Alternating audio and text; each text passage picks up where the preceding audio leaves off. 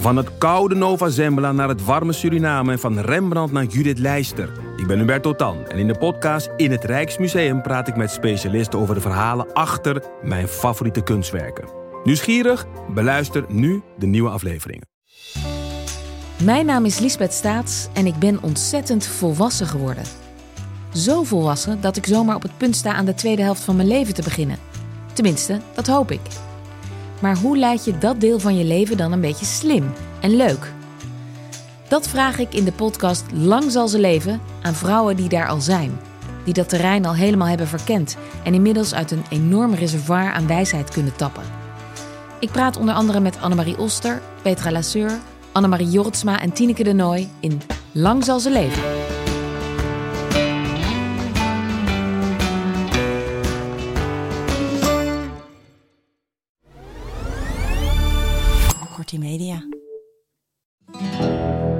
Deze FSB-officier die was ervan overtuigd dat wij spionnen waren. En wij zeiden van, hé, ja, sure, grappig. eh, 007, fotograaf 008. eh. ik realiseerde me dat dat het moment is geweest waarop dit soort mensen, heel veel macht, in hun eigen leugens zijn gaan geloven.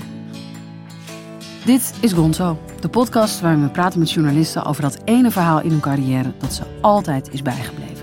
Dat kan zijn omdat het een scoop was, omdat het opzienbarend was, riskant, gelauwerd, ontroerend of onthullend.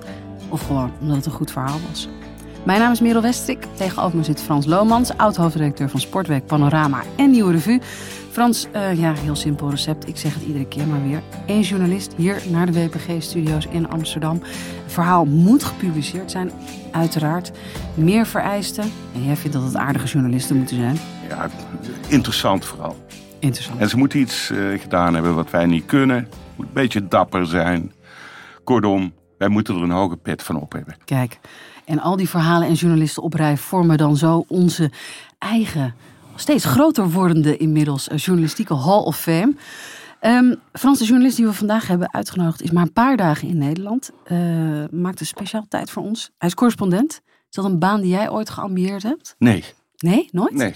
Het lijkt me zo'n uitwedstrijd die je dan constant aan het spelen bent. Dat ik denk van, nou, die, die wedstrijd win ik niet als correspondent. Ja. Bovendien ben ik gehecht aan, eh, aan Amsterdam en eh, mijn wekelijkse bezoek aan de Paradiso. Ik zou niet zonder kunnen. Ach.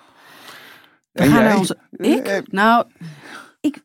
mm, het is wel eens door mijn gedachten gegaan, maar dat heb ik bij alle dingen die ik nog nooit heb gedaan. Ik denk, oh, nou, dat is misschien ook nog interessant. Maar ik heb wel een, een liefde die eh, daar serieus wel eh, bij tijd en wijle over nadenkt. Ja, Dus binnenkort eh, vertrek jij naar het Midden-Oosten met, eh, hij heeft, een met tijd, je man. nou, hij heeft een tijd geleden een cursus Frans gedaan, dus ik denk dat het dan eerder Parijs zou worden. Ah, een beetje, beetje slap. ook niet heel avontuurlijk, Nee. wel heel dichtbij. ja. Hallo. Nee, vind ik ook. Ik weet nog niet of ik meega. Ik ga erover nadenken. Ehm, we gaan naar onze gast in de studio. Dit keer Olaf Koens. Hallo. Olaf, welkom. Fijn dat je er bent. We beginnen altijd even met een kort cv. Daar gaan we. Je studeerde filosofie in Groningen en Brussel. En je was vanaf 2007 correspondent in Rusland en de voormalige Sovjet-Unie. Correct. In die hoedanigheid werkte je voor de geassocieerde persdiensten, Yes. BNR, het FD. Later werd je de vaste Rusland-correspondent voor de Volkskrant en voor RTL Nieuws. Daar kennen wij elkaar van. In 2014 riep Villa Media je uit tot journalist van het jaar vanwege je verslaggeving eh, over de MH17-ramp. En in 2015 verruilde je Moskou voor Tel Aviv. En nu is Istanbul je standplaats, Yes. exclusief voor RTL Nieuws. Je schreef eh, drie boeken en de laatste kwam uit in 2022. Nee, vijf boeken. Oh, is dat erg. Vijf boeken. De laatste kwam uit in 2022. Alle Oekraïners die ik ken. En ik noemde het net al even. Ja, wij, wij kennen elkaar uit mijn periode bij eh, RTL Nieuws. Zeker. Ik werkte, volgens mij was het, ik was, ben in april 2014 begonnen bij RTL Nieuws. Dus drie maanden later eh, ja, stortte de MH17 neer. Mhm.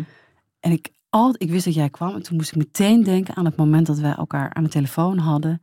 Toen jij net arriveerde in het oosten van Oekraïne. Ja, wij hadden elkaar aan de telefoon, maar dat- er luisterden ook nog een miljoen mensen mee, denk ik. Eh, dat was een live uitzending. En volgens mij is dat het, ehm, dat, dat was heel raar, omdat we toen, het, het was heel moeilijk om daar te komen. Eh, ja, er, er gebeurde van alles. Er, waren, er werd, er werd geschoten, Eh, er waren militairen die ons daar wegstuurden. En ik zag net de eerste brokstukken van dat vliegtuig ergens liggen.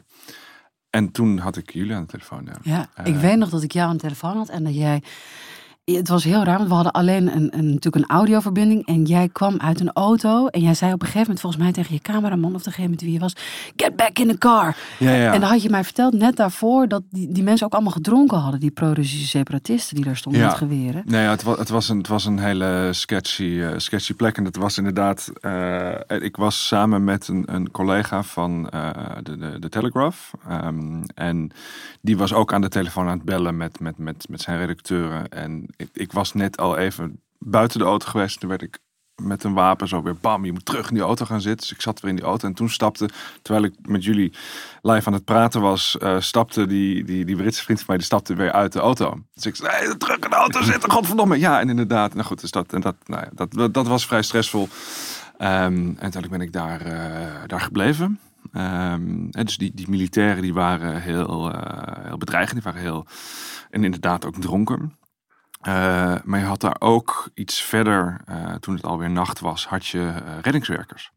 Dus in dat gebied, wat onder controle stond van die, van die rebellen, had je nog steeds de brandweer. Ehm, en die zijn daar begonnen met het bergen van de lichamen. En Ja. die hadden een, een, een, tent opgezet. En die hadden niet gedronken, die waren bijzonder aardig. En daar heb ik, daar heb ik van overnacht en daar ben ik gebleven.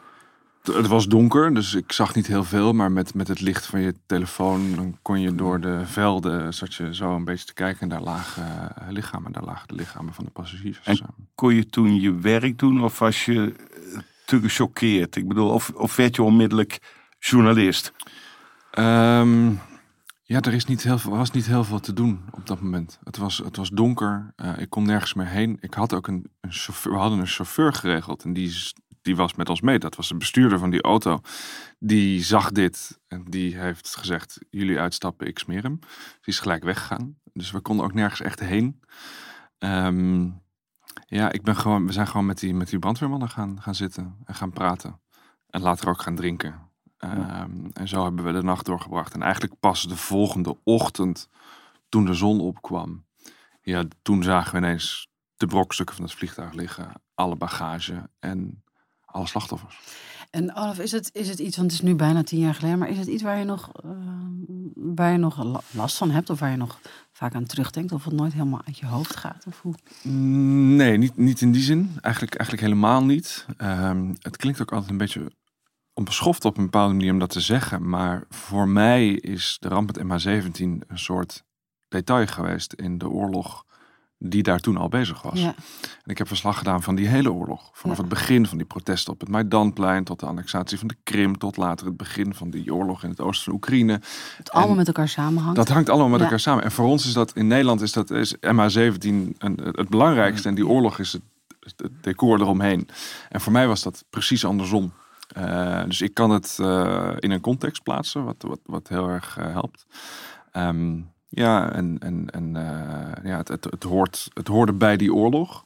En nu, hè, eh, anno 2023, weten we ook dat dit bij de oorlog hoort die we nu Ja. allemaal zien. En Maar dat is toch eigenlijk ongelooflijk? Want, want begin 2014, eind 2013, toen het allemaal begon Mhm. in Oekraïne, toen Janukovic daar nog zat, had je toch ook nooit kunnen denken dat je nu tien jaar later in deze situatie zou zitten? Nee.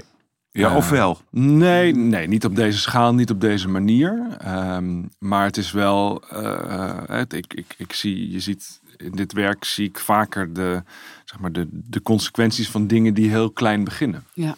Eh, en daar moet je op een bepaalde manier wel rekening mee houden. Eh, hè, toen toen eh, in, in Damascus eh, of in Dara in 2011 eh, groepen jongeren de straat op gingen om te betogen tegen het regime van president Assad. En die werden rukzichtloos neergeschoten door de veiligheidsdiensten. Ja, dat, heeft, dat, weet je, dat, dat zet iets in beweging Ja.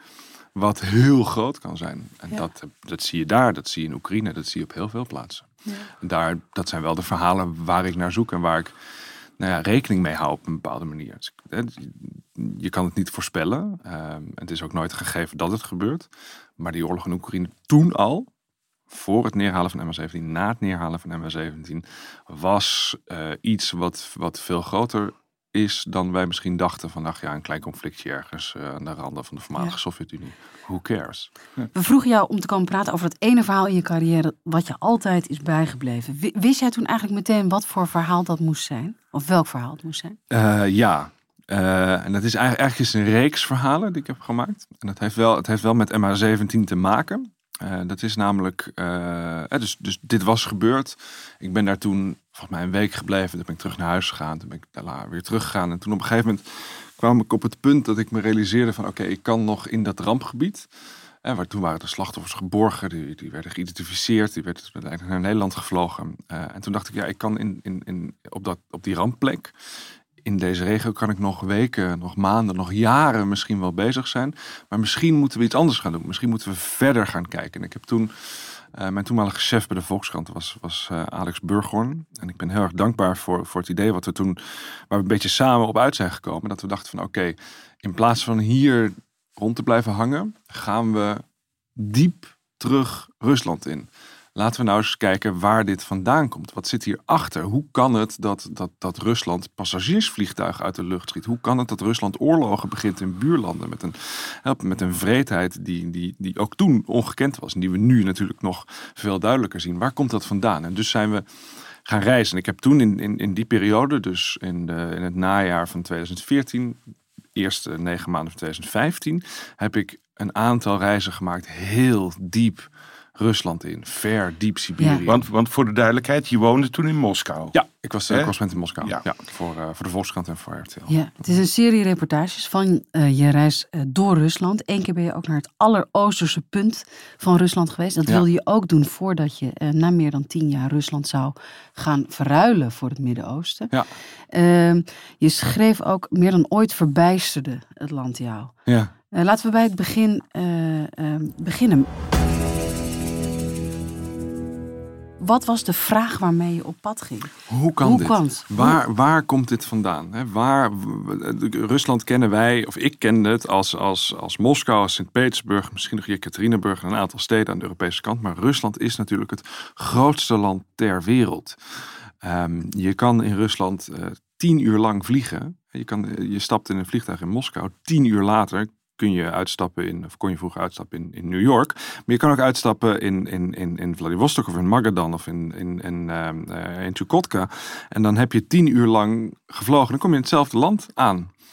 En dan spreken de mensen dezelfde taal. Uh, ze wonen in dezelfde huizen. Uh, ze hebben dezelfde problemen, dezelfde gedachten. Ze hebben dezelfde boeken gelezen.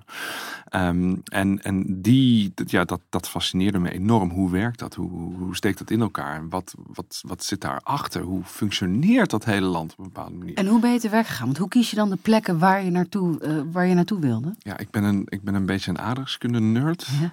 Uh, ben je dat geweest?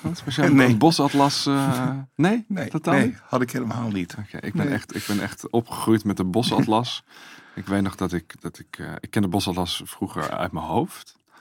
Uh, Je favoriete boek? Dat is mijn absoluut mijn Ja. favoriete boek. Ja. En dit is het, een beetje kinderachtig, maar dit is gewoon echt het uiterste puntje van Rusland. En je hebt een, uh, als je een kaart hebt van Rusland, de, de standaard schoolkaart van Rusland. En dan, dan, dan, omdat het zo'n groot land is, zit er een soort buiging in die, in die Ja. projectie. Dus de linkerhoek, helemaal rechts, helemaal links boven in een hoekje zit dan nog zo Kaliningrad. En dan een stukje verder, dan zie je Amsterdam nog. Dat, dat buigt een beetje mee. En aan de andere kant, dus elf tijdzones verderop, kom je in Chukotka. Dat is het uiterste, uiterste, uiterste puntje van Rusland. Boven de Poolcirkel. Waarbij je dus uh, theoretisch met een bootje naar Alaska zou kunnen varen. En ik heb gewoon die punt gezegd, daar wil ik heen. Dat plekje. En, en is Rusland makkelijk om doorheen te reizen? Wist je daar al iets van trouwens? Behalve dat het het uiterste puntje was? Ik wist, uh, ik heb in Rusland jarenlang gewerkt met een, met een hele goede fotograaf, Yuri Kozyrev. Dat is een, fotograaf die is denk ik inmiddels uh, in de 60. Uh, waanzinnig goede fotograaf. Heeft, weet ik veel, vaak de World Press Foto gewonnen. Jarenlang in Irak gezeten. De hele Arabische lente gedaan. En hij zei me ooit, ik heb met hem al die reizen gemaakt. Hij vertelde ooit, ja, daar ben ik een keer walvissen wezen vangen. Daar wonen Eh, daar woont een, een, een, een, een volk eh, dat een historisch recht op walvisvangst heeft. Dus die mensen vangen walvissen met speren in bootjes. En Jury was daar in 1993 een keer geweest. En die zei, daar moet je heen. Dat is wat ik ervan wist. Uh, dus dat, heb ik, dat ben ik uit gaan zoeken. Um, en toen ben ik op walvissenjacht gegaan. Maar gaan we zo, uh, gaan we het zo vraag, nog even over hebben. Want is het makkelijk, is het makkelijk uh, om door Rusland heen te nee, reizen? Nee, dat was het, dat was nee. het toen ook al niet. Hè. Zeker omdat het zo gigantisch groot is. Nou, behalve de afstanden en behalve de logistiek ervan... is ook hele, hele grote delen van Rusland zijn simpelweg afgesloten. Uh, zeker voor buitenlanders en dan zeker voor buitenlandse journalisten. Dus je moest ook toen al, en nu is dat zo goed als onmogelijk geworden, maar zeker toen moest je um, uh, vergunning aanvragen om daar te komen. Dus ik moest echt naar het ministerie van eerst van Buitenlandse Zaken, toen naar Binnenlandse Zaken, de politie, bij allerlei verschillende organisaties, organisaties en instanties om, om toestemming te krijgen om überhaupt daar naartoe te komen. En, en maak je je dan wel kenbaar als journalist? Of ja, ja, vertel je dan ja, wel, nee, dat, ga een ja, verhaal schrijven? Dat, ja, dat okay. moest op, op alle mogelijke En manieren. bemoeilijkt het dat of krijg je dan wel vergunningen? om Nee, dat te maakt het allemaal veel moeilijker. Uh, ze houden het een beetje gesloten. Um, maar uiteindelijk wist ik dat er in de zomer daar een soort festival plaats zou vinden in dat plaatsje. Het heet Lorino. Lorino, prachtig. Um, en uh, ja, een soort sportevenement met, met touwtrekken en weet ik veel wat. En ik wist dat er een, een delegatie uit Anadir twee uur vliegen verderop. Dat is heel dichtbij in, in hun uh, optiek. Zou er een delegatie daar naartoe gaan met uh, de sportevenement benodigdheden. Dus uh, touwen, pionnen, hoepels, whatever. Ik wist dat georganiseerd zou worden, dus daar heb ik me toen bij aangesloten. en zo ben ik daar naartoe gegaan. Dus je vliegt dan naar Anadir. Dat is tien uur vliegen van Moskou. En dan moet je met een heel krakkemikkig propellervliegtuigje twee uur nog helemaal naar die punt, die uiterste, uiterste Ja. punt van Rusland. Ehm, en daar gebeurde dat. Ja. ja. Wat maakte je mee in Lorino? Ehm, nou, het eerste was dus inderdaad zo'n heel gek festival. Ehm, eh, dus, maar dat festival was niet heel bijzonder. Wat er gebeurde waren eigenlijk twee dingen. Ehm, de walvisvangst. Uh, en, en, en het drankgebruik. Uh, laat ik beginnen met, met het, het vrolijke gedeelte. Uh, de walvisvangst. Oh, ik dacht, ik dacht er komt een drankgebruik. Nee, maar nee. Um, dus wat ze doen is ze vangen een zeeleeuw.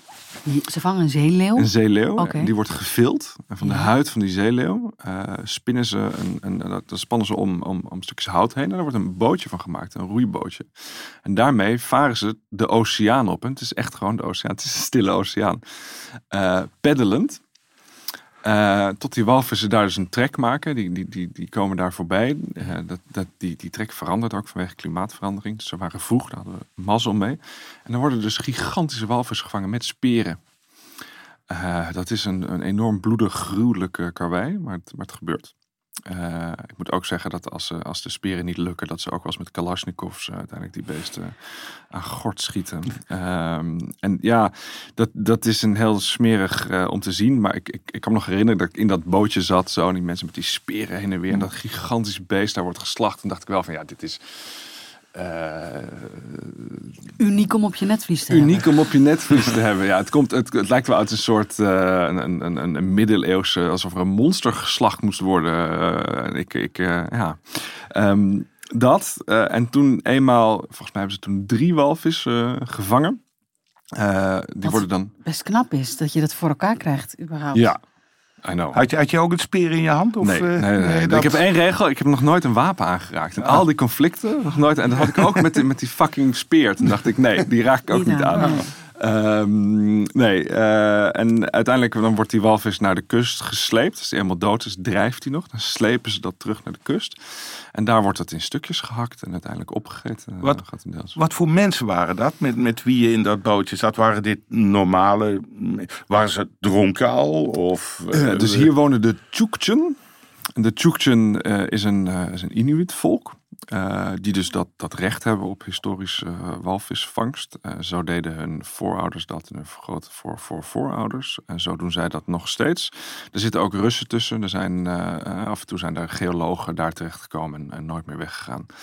Um, maar dit gebied is echt dusdanig afgesloten van de buitenwereld. Dat de aankomst van dat vliegtuig waar ik in zat, met dan, weet ik veel, die, die sportattributen. Ja, daar zat ook eten bij. en ook drank. Ehm, en, en toen de drank dus weer daar was, want de drank was op en wij kwamen met een vliegtuig met drank aan, Ja. is iedereen gaan drinken. En dat, is, dat heeft echt een krankzinnig eh, gevolg. Dus die eerste dag was heel... Jullie brachten de drank mee. Ja. Ehm, en de, de, eerste, eh, de eerste dag werden die walvissen gevangen, was er dat festival. En de tweede dag was iedereen knetterlam. Eh, maar er kon, er kon niemand meer rechtop lopen. Ik denk dat er in dat Lorino een stuk of 60, 70 mensen woonden. Ehm, iedereen was... Maar, eh, ik heb ook wel eens wat gedronken. We hebben allemaal wel eens wat gedronken. Nee, jij al heel lang niet meer geloof ik. Nee, maar daarvoor heb Daar- ik ook heel veel gedronken. Daarvoor. hoor. Ja, en er zijn, eh, ik heb het ook wel eens moeilijk gevonden om naar huis te komen, maar ik ben wel altijd thuis gekomen. Ehm, en dit is, echt- deze mensen konden helemaal niets meer. Echt, en, en, en dat heet in het, heeft een Russisch, het is een begrip in Rusland, zapoi, die Ogodisch zapoi. Je, je ver- verdwijnt, je gaat in een zapoi. Dat is dus dat, is dat je dagen achter elkaar blijft drinken. Je begint met drinken en je houdt gewoon niet op. Wij drinken, dan vallen we in slaap, dan worden we wakker. En dan gaan we heel veel water drinken, herstellen, et cetera. Nee, daar word je wakker, doordrinken. Doordrinken, doordrinken, doordrinken. Dat je gewoon helemaal niets meer kan. Ik zat daar in dat dorpje en na dag één, eh, toen dacht ik, nou, dat is een hele mooie reportage. Wat moet ik nu doen? Ja, niks. Toen, toen begon er een storm. Ja. Eh, dus dat vliegtuig, dat was geland, maar ook weer vertrokken. En daar kon niet meer terugkomen. Dus je zat vast. Ik zat vast. Met al die mensen in, Sa in Sapoy eh, s- eh, Ja. verkerende staat. Ja, ja. Ja, en ik moest ook ergens slapen. Dat was ook niet helemaal, ik wist ook niet waar. Dus ik moest dan maar, ik, ik zou bij iemand slapen, maar Het was, was... het was koud Eh, Of viel het mee? Nee, het was in de zomer. en dan Eh, is het. Nou, het was een graad of 14, 15 Oh, of zo. oké. Ja. Ja, ja. Eh, het waait. Het wordt het, het fris. Ehm, maar voor hun was het echt vol zomer. Eh, en ik, ja, ik, ik zat daar, ik kon nergens, nergens heen. Eh, dus ik moest bij iemand slapen. Maar ja, die was hartstikke dronken. En ik had dan de mazzel dat die man... Ja, die, die, die was buiten ergens in slaap gevallen. Dus toen ben ik maar in zijn bed gaan liggen. Dat is de enige plek waar ik kon slapen. En toen drie dagen later zat ik er nog steeds. Was die man zelf in zijn bed gaan liggen. Ja, toen ben ik een ander huis binnengelopen. Mag ik hier slapen? Maar die waren ook allemaal dronken. Dus letterlijk iedereen kartje lam. Ja. Eh, ja, daar heb ik eh, uiteindelijk een dag of zes of zeven of zo rondgelopen. Eh, maar rondjes over dat strand gemaakt. Je kon daar dan wel ergens eten. Ze hadden nog een nertse fokkerij. Ehm, waar dan die, die aan stukken gezaagde, met kettingzagen aan stukken gezaagde walvis werd dan aan die nertsen gevoerd. Ehm, en eh, ja, daar heb ik een week gewacht tot dat fucking vliegtuig. eh, En eh, le- leerde, aankwam. dit, leerde dit jou alweer iets over Russen wat je niet wist? Of Nou ja, dat er hele grote delen van Rusland zijn waar je, waar je niet zoveel aan hebt. Nee ja, eh, het, kijk, het fascinerende aan Rusland is natuurlijk dat er dus en volkeren leven die eh, wal- op walvissen jagen. Ja. Dat die cultuur eigenlijk niet meer bestaat. Ze doen dit omdat ze het doen, maar er is geen... eh, Noodzaak toe. Of... er is geen noodzaak toe, maar het is ook, ze voelen zich niet heel erg. ehm, eh, het, zijn, het zijn Russen. En ze hebben niet een hele trotse cultuur die ze uitdragen, behalve dat ze die walvis vangen. Ehm, dus het is heel erg, het is heel erg gekolonieerd door de Russen.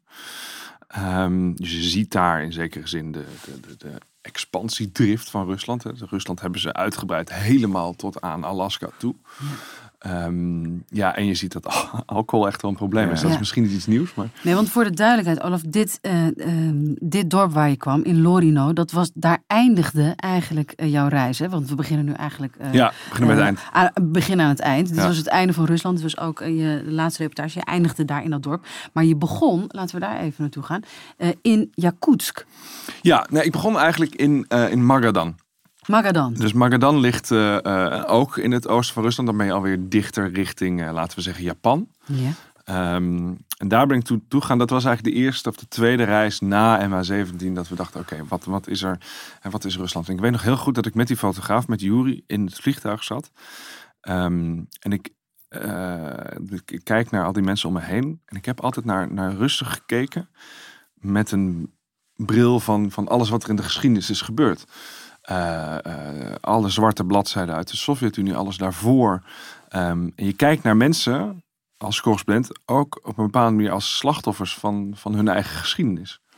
En, ik, en ik, had het er met Jury over. Ik zei, moet je kijken, al deze mensen hebben toch op een bepaalde manier al die Sovjet-strafkampen nog eh, misschien niet meegemaakt, maar wel daar de herinnering aan of de nasleep ervan. En toen zei Juri met een heel gemeen lachje. Hij zegt, Olaf, nee, nee, nee. Dit zijn niet de slachtoffers. Dit zijn de daders. En toen ik daar aankwam, hè, dus dan, Magadan is een stad die is gebouwd uh, in de jaren 30, uh, omdat de Gulag, de, de Sovjet-strafkampen, waar miljoenen mensen in zijn verdwenen, vermoord, was eigenlijk een groot industrieel, grote industriële onderneming. Er moesten goudmijnen gegraven worden, er moesten allerlei uh, mineralen uit de grond worden gehaald. En die infrastructuur die is daar allemaal gebouwd door gevangenen. En hun cipiers en bewakers en opzichters. En eigenlijk zijn dat de mensen die daar zijn blijven wonen. De Sovjet-strafkampen zijn na de dood van Stalin in 1953 in, opgedoekt. Um, maar de mensen die daar zijn blijven wonen, ja, dat waren wel de cipiers van toen. Die daar werkten, ja. Dus die, die daar geschiedenis werkten. Dit waren dus letterlijk de daders. Dit waren de daders, of hun kinderen, of hun Ja. kleinkinderen. En voelde voel je je, dat? ja. Dat voel je in, in, Ja? in alles. Ja, dus Zit daar iets bloeddorstigs in die mensen? Of wat, Nee, zit nee, daarin? Het is, het, is niet, het is niet bloeddorstig, maar het is. Het is eh, ik kom daar met, met, eh, met het idee van. ik- wil zien wat er over is van, van, van die tijd, van die strafkampen. Je, je, je kijkt naar de restanten van de Gulag en, en niemand wil het daarover hebben. Wat, Dat- en daar- wat daar was er van over? over. Wat was er van over? Ja, heel weinig. Ik weet nog dat er, in Magadan is er een museum. En daar, daar wordt van alles tentoongesteld. Van, van speren tot eh, allerlei archeologische vondsten. En er is dan één kleine zaal waar een tentoonstelling is over de Gulag. En er hing een bordje en dat stond eh, tijdelijk eh, gesloten. Ach, Wegens onderhoud. en voor dat de hangt rest... er al een jaar of twintig, eh, denk ik. Maar dit is dus eigenlijk geen geschiedvervalsing, maar geschiedontkenning. Ja, het Complete is een totale, ontkenning. Het- totale ontkenning. Dus er is niets van. Eh, en ik ben gaan rijden van Magadan naar Yakutsk. Dat, dat is een weg van meer dan duizend kilometer. Die weg is aangelegd. En dat heet, eh, in het Engels heet het de Road of Bones. Hè, de, de bottenweg. Dat is aangelegd. Iedere kilometer, god weet hoeveel mensen daarvoor gestorven zijn. Langs die weg liggen al die strafkampen. Die zijn er nog gewoon. Die zijn nooit afgebroken. Die zijn nooit weggemoffeld. Die zijn En wat niet gebeurt daar nog dan, Olaf? Niets. Daar Die is liggen niets. gewoon daar stil. Helemaal niets. Toen ik er was, was het midden in de winter. Eh, daar ligt gewoon sneeuw overheen. Dus je moet heel goed zoeken. Als je weet met een kaart die je dan hebt gevonden dat, je, dat, je, eh, dat daar ergens een strafkamp had moeten zijn. Als je dan die kant afslaat. Als je auto niet te diep vast in de sneeuw komt te zitten. Dan op een gegeven moment zie je een soort een houten constructie. En dan verdomd, dat is inderdaad een wachttoren. Want even voor de duidelijkheid, wie kwamen er in die strafkampen eh, te- terecht? Miljoenen en miljoenen mensen. Dus, eh, Voor wat? eh, voor van alles. Hè. Dus in, in de jaren, eind jaren 30 begon, het begon eigenlijk eerder al, maar de, de, de, de, de, de Gulag-archipel.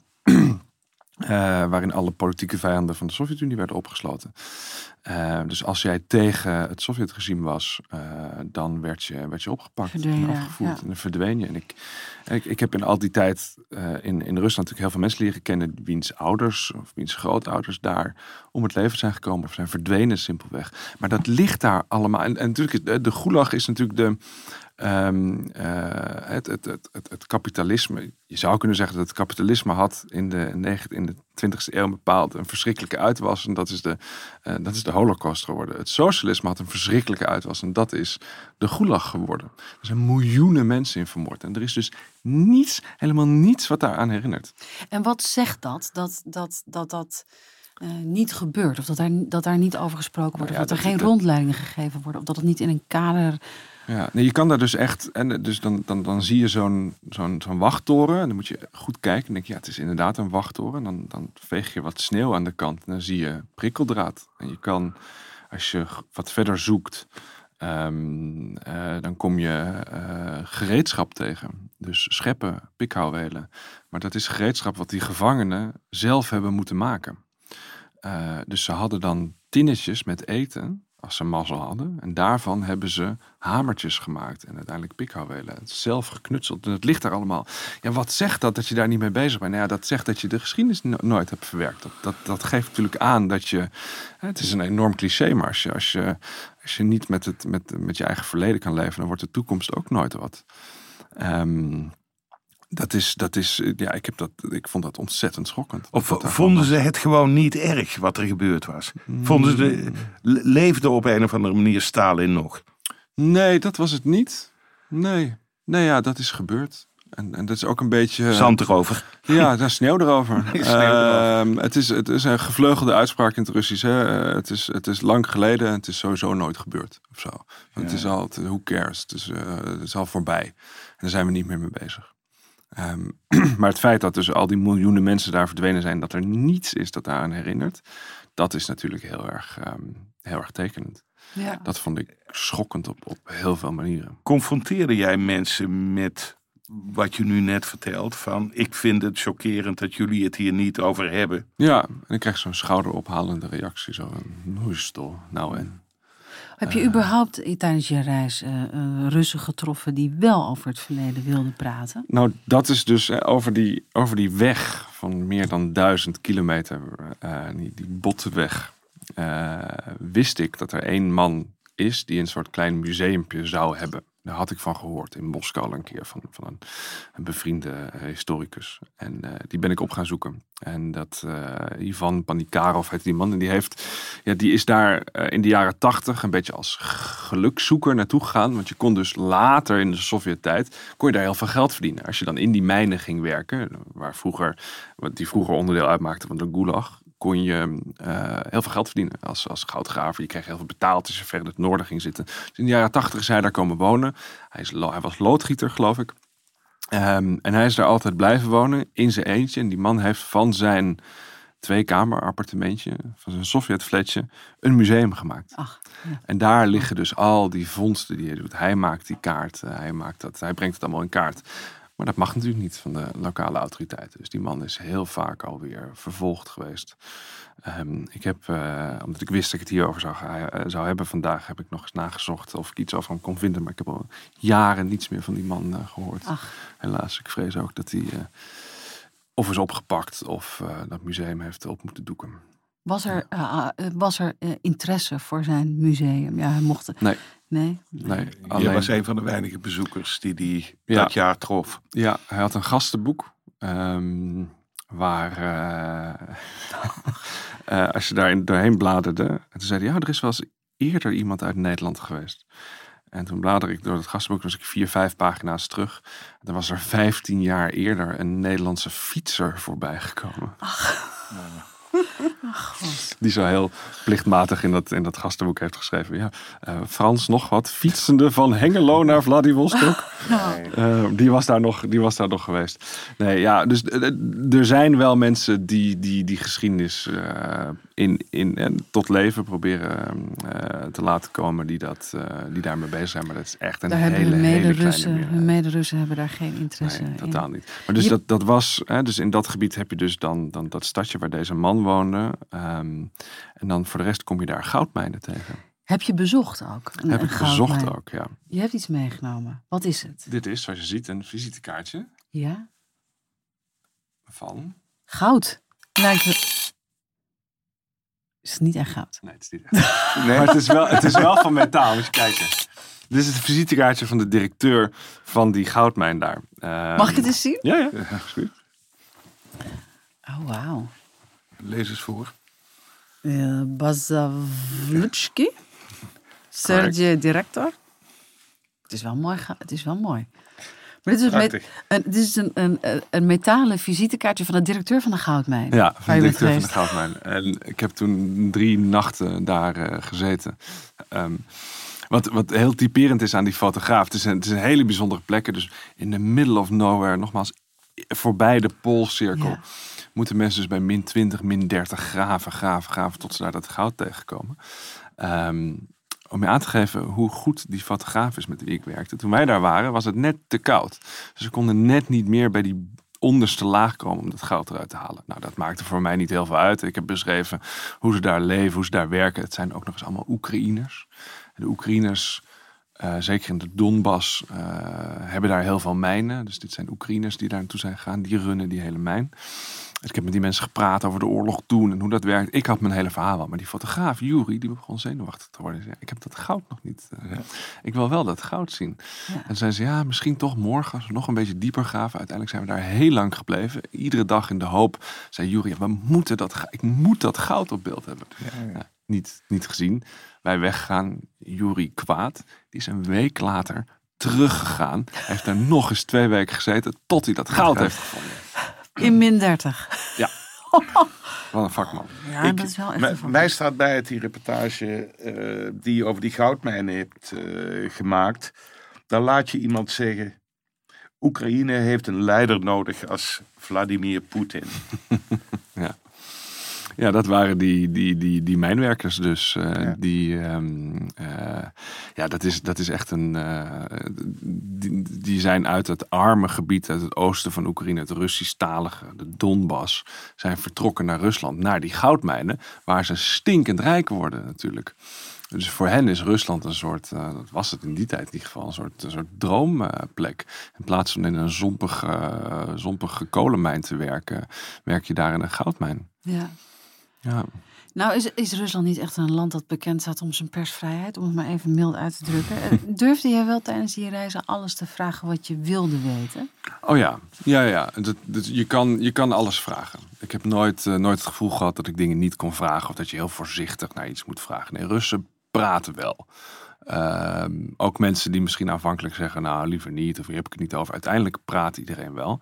Maar je hebt, ook toen al had ik te maken met, met behoorlijke restricties en beperkingen. Dus wat er eigenlijk ook toen al, en nu is dat overal zo. Maar als ik dan in die gebieden rondreisde, vanuit Magadan naar, naar die goudmijn, naar die, naar die man met dat museum en uiteindelijk richting Jakutsk. Ja, dan kwam in een plekje, een stadje, het was toen heel koud het was iets van min 30. Ehm, en dan kom je daar aan en dan denkt de lokale politie en zeker de lokale inlichtingendienst wel van bingo. Eh, wie ben jij en wat doe jij hier? Ehm, en dat was heel erg tekenend. En dat is iets, en dat is eigenlijk de, de, de, de reden waarom ik dit verhaal daarvoor heb eh, hiervoor heb uitgekozen. We zijn toen opgepakt door de FSB, door de, door de Russische geheime dienst. En dat gebeurde wel vaker als ik ergens kwam. Dat gebeurde ook wel eens als ik in de Caucasus kwam. Dat gebeurde ook wel als ik in Moermansk was. Ehm, maar dat was altijd grappig. En dat was altijd de lokale inlichtingendienst die dan zo van oké, waar kom je vandaan? En die wou gewoon eens even door je paspoort heen kijken, gewoon eens met je praten. Ik kan me wel voorstellen dat het voor een eerste keer nooit zo niet heel grappig voelt als dat je gebeurt. Oké, Ja, maar het is ook niet heel erg bedreigend. zo. dus het gebeurt op een vrolijke manier. Het gebeurde altijd wel op een vrolijke Oké. manier. Eh, Gewoon ik- een, kle- een klein toneelstukje wat bij de cultuur hoort. Ja, en, kijk, en ik had ook niets te verbergen natuurlijk. Ik, was, ik ben gewoon journalist. Ik was daar een journalist. Ik heb een accreditatie. Dat, dat gaan ze dan nabellen en controleren of die documenten niet vals zijn. Nou, die zijn niet vals. Ik heb niks te verbergen. Ik kom gewoon eh, met mensen praten, een verhaal maken. Ehm, dus dat is, dat is heel vaak gebeurd. En, en, en sure, dat is ook wel eens een beetje intimiderend geweest. Maar het is nooit heel vervelend geweest. Eh, en het bijzondere was dat eigenlijk altijd... Hè, er, werd dan wel, er werden dan wel grapjes gemaakt. Van, haha, we hebben een westerse spion gevonden. En eh, het, het, het spel is uit. eh, wat zie je, er, je bent veel te lang om een spion te zijn. Lachen, gieren, brullen. En uiteindelijk kon je ook zelfs met die mannen van de, van de FSB... kon je nog wel aardige borrel drinken aan het eind van de avond. Eh, omdat ze ook wel wisten dat er, dat er niets aan de hand was. En deze man, dus toen we op deze reis, ik en Juri samen werden opgepakt. Toen gebeurde er voor het eerst iets. Ehm, deze FSB-officier, die was ervan overtuigd dat wij spionnen waren. En wij zeiden van, hey, ja, sure, grappig, eh, tuurlijk. eh, ik eh 007 en fotograaf 008. Ja. eh, ja, ehm, en moet je kijken, deze pen, daar kan je mee schieten en zo. Nee, maar hij was er compleet van overtuigd. En dat is dus, ehm, ik realiseerde me dat dat het moment is geweest waarop dit soort mensen met heel veel macht in hun eigen leugens zijn gaan geloven. Dus ze hebben zichzelf heel vaak verteld: het Westen is tegen ons. Overal zijn spionnen, westerse pers, dat zijn allemaal spionnen. Iedereen probeert ons eronder te krijgen. En wij hebben de taak om het historisch Rusland te redden van, van, van deze buitenlandse inmenging. Ja. Dat is niet zo. Dat wist iedereen altijd. Dat was een soort stik, een grapje, een ding. En deze man geloofde er heilig in. Eh, en ik heb heel lang met die man gepraat. En hij geloofde daar echt in. En ook mijn fotograaf heeft heel lang met hem gepraat. Hij heeft dan gezegd, oké, als, we nou, als, als we ervan uitgaan dat die, die Nederlander dan een spion is, wie ben ik dan? Was dat voor jou ook een soort besef dat je dacht, oké, er is echt iets aan het Er veranderen? is, ja, toen er was is er, iets ja, veranderd hier. toen was er echt iets aan het veranderen. Dat mensen dus in hun eigen leugens gaan geloven, dat is natuurlijk een heel gevaarlijk Ja. punt. Ehm, en die, die fotograaf vroeg van, ja, wie ben ik dan als hij een spion is? En toen zei die, die, die man van de geheime dienst zei tegen Yuri, jij bent ervoor verantwoordelijk dat de Sovjet-Unie uit elkaar is gevallen. En wat ik hier doe, is dat ik hem opnieuw opbouw. Ach. En daar geloofde die man in. Ja. En dat was een, een jonge, eh, jonge KGB of FSB-officier van mijn leeftijd. Ehm, en ik ben toen gedeporteerd uit dat gebied. Dus ik ben uit die provincie. We waren toen nog in de provincie Magadan. We zijn toen naar de provincie Yakutsk gestuurd, gedeporteerd. Onder begeleiding van die FSB-man. Dat was 700 kilometer. Dus dat is best een lange rit. Enorm, ja. Ehm, en die heeft ons echt zo zijn, zijn, zijn provincie uitgeduwd. Ehm, maar dat punt, hè, waar dus, waar dus ja, deze Heb, je- man... heb je toen even het idee gehad van ik ben aan het verdwijnen? Of Nee. Dat, Nee, dat nee, ook nee, weer niet? Dat idee, heb ik, nee, dat idee heb ik nooit echt gehad. Eh, het, het ergste wat er in die tijd kon gebeuren is dat je, dat je eventueel... Nou ja, je komt altijd wel terug in Moskou. En ik, ja, nogmaals, ik heb niets te verbergen. Ik heb gewoon een persaccreditatie en dat komt uiteindelijk altijd wel goed. Maar toch, dit is, dit, is, dit is dan langer geleden. Maar inmiddels is het zo dat eh, Iris de Graaf van de NOS eh, teruggehaald is uit Ja. Rusland. Omdat het niet meer veilig is voor haar om haar werk te doen. Er is een eh, journalist van de Washington Post die inmiddels al twee maanden in een Russische cel Ja, Wall vast Street zit. Journal. Ja, Ja. Ehm, ja zeker. Nee, en ja, ik- verdacht ik- wordt van spionage. Ja, eh, wat dus onzin is, maar waar dus heel veel mensen in zijn gaan geloven. Eh, nee, het is inmiddels zo dat je, dat je je helemaal niet meer vrij kunt bewegen in Rusland. Die reis die ik toen heb gemaakt, die zou, die zou je nu nooit meer kunnen maken. Ik kan, ik kan ook niet terug. maar je hebt daar wel dus de eerste signalen opgepakt van die verandering. eh. Absoluut. Dat heb ik daarin gezien en, en heel lang besproken met die man. Ja, nee, ik, ik kan ook niet terug. Ik, eh, ik zou heel graag terug willen, maar eh, nee. Je bent toen die pro- de, de, de provincie eigenlijk uitgezet. Mhm. Hoe ging je toen vanaf toen verder? Want je reis was nog niet voorbij. Nee, de reis was zeker nog niet voorbij. Toen kwamen we dus in, in Yakutsk en dan kom je voorbij ehm, het koudste punt op aarde. Daar wordt het in de winter kan het min 60 worden. Ongelooflijk. Frans, wat gebeurt er dan? Ja. Ja, ik weet niet. Hij, ga je kapot. Ja, nou ja, het is, het is echt. Dan, eh, dan bevries je plas, volgens mij ook. Terwijl het Alles. eruit komt. Ja, je kan niet. eh, dus het, het was, ik heb het geen min 60 gezien, ik heb het tot min 50 gezien. Dat verschil is Ook mooi. eh, ook, eh, het is ook vrij koud. Ja. Ehm, plassen is inderdaad heel moeilijk. Dat kan je echt niet buiten doen. Dat moet binnen. Eh, anders, eh Merel. Is je pik eraf, eh, Ja. Frans. Ehm, eh, je kan. eh, ehm, ja, je kan niet naar buiten even snel lopen. Je moet je volledig inpakken. Ja. Je neus bevriest, je, je ogen bevriezen. Je telefoon doet het niet. Je, je, het heel, in, in een iPhone zitten van die kristallen die bevriezen gewoon. Het, alles bevriest. Een camera doet het ook niet. Alle batterijen zijn gelijk leeg. Eh, niks werkt eigenlijk. Eh, en een auto, als je een auto hebt, moet je die dus draaiende houden. Je kan niet je auto uitschakelen. Eh, dus als je in Yakutsk woont en je hebt de winter je auto nodig, dan draait die Permanent. de hele winter. Zes, zeven, acht maanden lang. Bizar. Eh, en het kan gebeuren dat een auto soms uitvalt. En dan moet je een vuurtje gaan stoken. En dan die auto daar op een gegeven moment boven duwen. Boven de smeulende kolen. En dan warmt het net genoeg op dat je hem kan starten. En dan verder. En daar wonen nog mensen. Daar wonen heel veel mensen. Ja, zeker. En ik kwam op een gegeven moment kwamen we eh, aan. eh, je hebt daar een hele grote rivier, de Lena.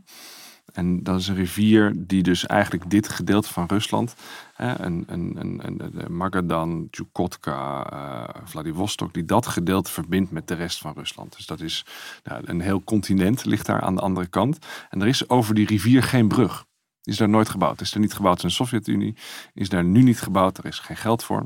Die, men wil heel graag dat die gebouwd zou worden. Ehm, maar om die rivier over te steken, rijden ze in de winter gewoon over de rivier heen. Met vrachtwagens en al. Het vriest natuurlijk zo hard, dat kan makkelijk. Daar ligt een, een, een winterweg, heet dat. Een ijsweg. En in de zomer gaat dat met pontjes.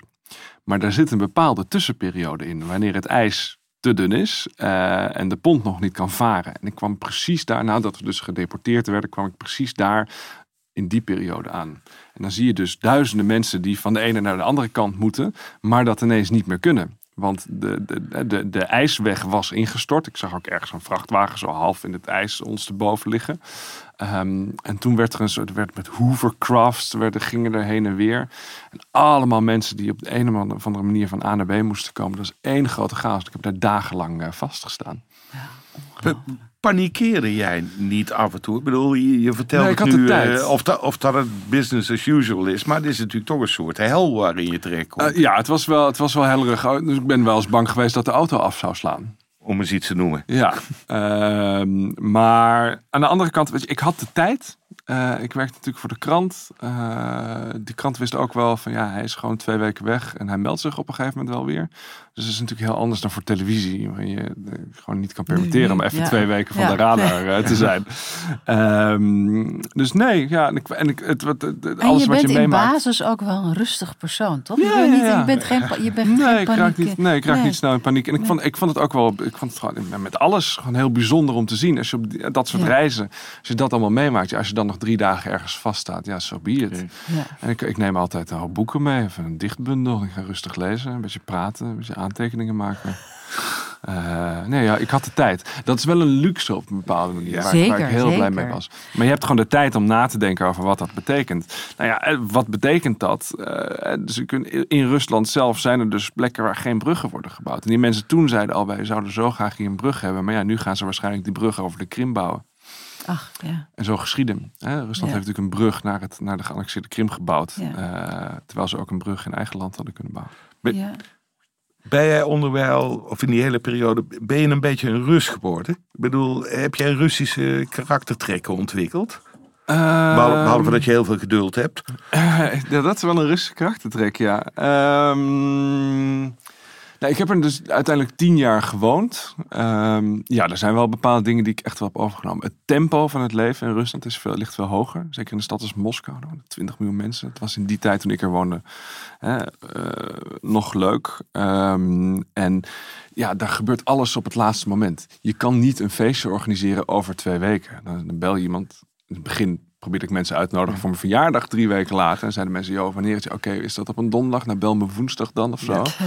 Ehm, en ik heb dat wel heel erg overgenomen. Eh, en daar heb ik nu ook nog steeds wel last van. Ik weet nog toen ik ehm, mijn eerste boek schreef. eh, was er, zou er een presentatie zijn hier in Amsterdam. Eh, en op het laatste moment... dus ik kwam op een dinsdag aan. Die presentatie zou op vrijdag zijn of zo. Dus woensdag heb ik tegen de uitgever gezegd... Nou, laten we dan wat mensen uitnodigen. Eh, maar als je op woensdag een uitnodiging naar buiten stuurt, dan komt er dus gewoon helemaal niemand eh, op vrijdag, zo'n nee. boekpresentatie op vrijdag. Gewoon echt helemaal niemand. Toen zat ik in de stad Schouwburg in Amsterdam met drie mensen. Eh, ik, mijn uitgever en mijn redacteur. ja. mooi. Dus dat soort dingen heb ik meegenomen. Ik ben wel. ehm, het, ja, het, het, het tempo ligt, ligt hoger en daar, daar hou ik van. Je kan alles nu doen, gelijk, vandaag. Ja. Russen doen, doen veel dingen. Eh, als je een huis wil kopen, dan koop je nu een huis. Als je je huis wil verkopen, dan verkoop je dat morgen. ja. En dan neem je het cash mee, bam. Maar bijna is, is dan de filosofie, gisteren bestaat niet, hè? Want de historie wordt compleet weggemoffeld. Overmorgen bestaat, Bestaat ook, niet. Nee, ja, dat is het. Behalve eh, Alles is nu. Ja, dus het verleden is onzeker. Het heden is onzeker. En de toekomst is onzeker. En daar moet je je leven eh, naar inrichten op een bepaalde manier. Ja, dat heb ik daar wel van, van, van meegekregen op een bepaalde manier. Maar deze reis was voor mij echt een, een, een eye-opener. Vooral ook in dat idee. Hè, je, je kan jezelf allerlei leugens vertellen. Ehm, en dat is een manier om, om, om door te gaan, om overeind te blijven in het systeem. Maar op een gegeven moment ga je daarin geloven. En dat is, het, dat is een ontzettend gevaarlijk punt. En veel belangrijker, hè, wanneer je niet afrekent met je eigen geschiedenis, dan komt dat als een boemerang terug. In de voormalige DDR, als je vroeger bij de Stasi werkte, dan mag je tot op de dag van vandaag geen les geven op een kinderdagverblijf niet. In Rusland, als je vroeger bij de KGB werkte, word je de president. Ben je koning te rijk. Ehm, en dat is essentieel in, in, in het begrip van wat, wat Rusland is en wat Rusland doet. Ehm, en de les dat je. eh, hè, dat, dat ik altijd naar Rusland heb gekeken als een land van slachtoffers van hun eigen geschiedenis. De slachtoffers, die zijn er niet meer. Ja. De daders zijn overgebleven. En de geschiedenis wordt geschreven door de winnaars, Ja. zeggen ze vaak. Maar de geschiedenis wordt vooral geschreven door de daders. En ben je dan gedoemd om altijd eh, je fouten uit het verleden te herhalen, denk je? Of, Uh, nee, ik denk uiteindelijk dat, dat, dat, je, uh, dat je daar ook wel een eigen wil in hebt. Uh, je kan bepaalde keuzes maken die, dat, die, dat, die ervoor zorgen dat dat niet gebeurt. Um, maar ja, als die keuzes niet worden gemaakt, dan, dan, zijn dit soort, dan is de toekomst inderdaad echt wel heel erg onzeker. En misschien ook wel gedoemd om te mislukken. Ja. ja. je ziet dat geweld daar een hele, hele belangrijke rol in speelt. Geweld zit heel erg diep ingebakken in, in ieder Russisch gezin in iedere Russische familie. Iedere Russische vrouw heeft te maken gehad met geweld. Uh, binnenshuis, buitenshuis. En dat geweld is zo groot aanwezig dat het op een gegeven moment niet anders kan. Dat dat, dat zich uit in geweld tegen een buurland, tegen de buitenwereld.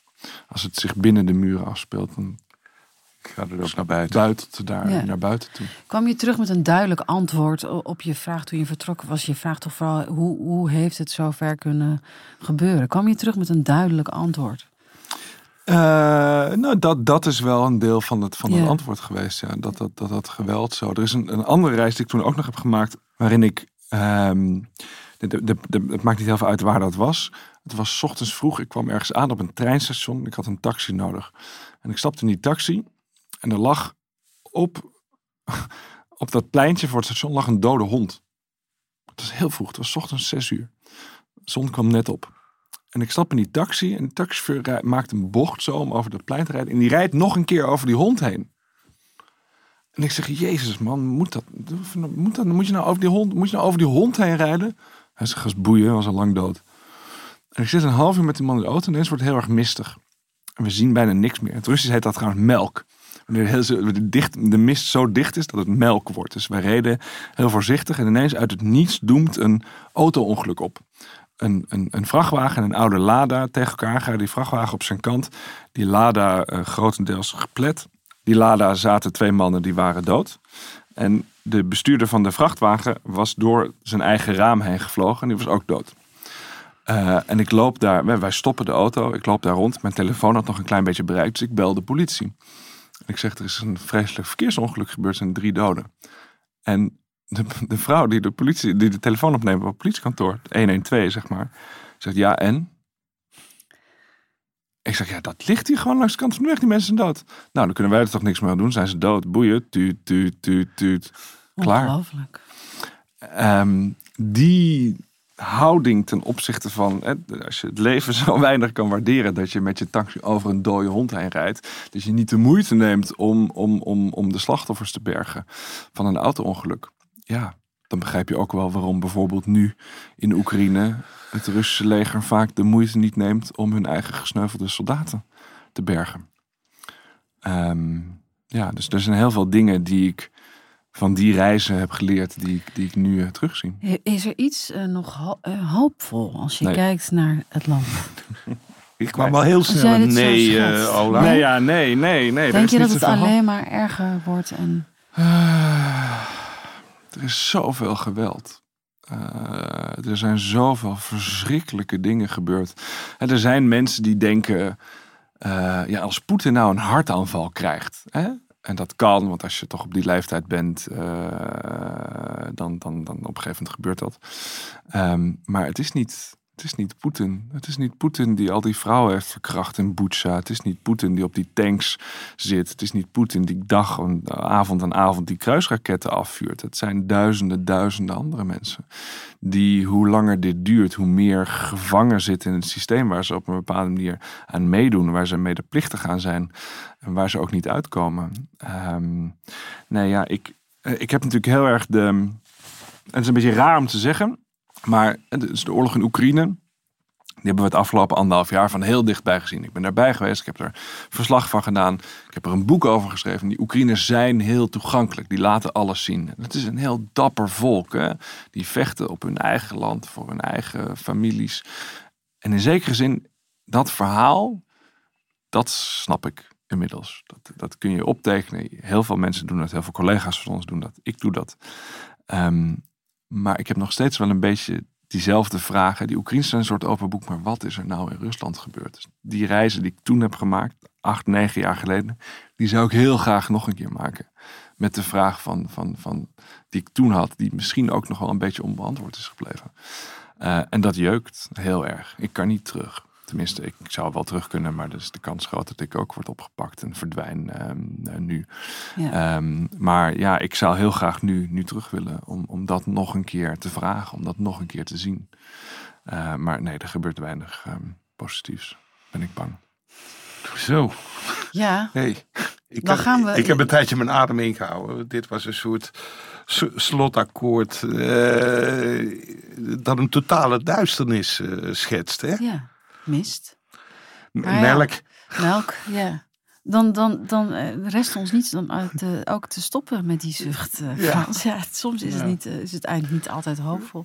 Olaf, dank dat je wilde komen. Ik ga toch nadenken. Is er nog niet iets wat, we, wat een beetje hoop van... Oké, er is klein verzet. Oké, in Rusland. Er is klein verzet. Natuurlijk is het, hè, er zijn ook Russen die hier heel erg tegen zijn.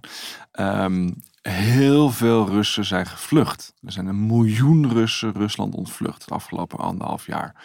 En wat je nu ziet, er zit een bepaalde historische beweging in dat na de burgeroorlog in Rusland, na de Russische revolutie in, 18, of in 1918, 1919, begin jaren 20, zijn er ook miljoenen Rusland, Russen Rusland ontvlucht. Dat waren toen de, de, bourgeoisie, de intellectuelen, die zijn naar allerlei steden in Europa gevlucht. Bijvoorbeeld toen ook heel veel naar Istanbul. Net als nu gebeurt. Sterker nog, in het pand waar ik woon in Istanbul hebben in eh, 1919 18 Russische witte officieren gewoond. Nu, 100 jaar later, hè, wonen er in mijn pand weer heel veel Russen. Waaronder heel veel vrienden van mij die, die, die in het begin van de oorlog daar logeerden omdat ze gevlucht waren. We zien nu dat je eh, heel veel Russen vluchten naar Europa. Eh, misschien ten goede. Eh, in de jaren 20, 30 in Parijs, als je vroeger een taxi nam, dan was de taxichauffeur een Rus.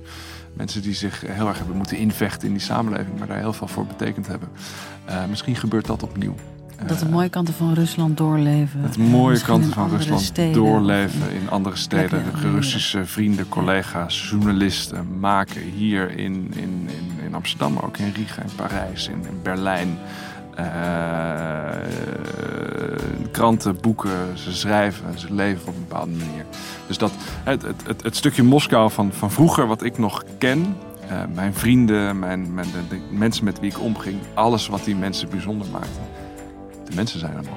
Kijk, dankjewel.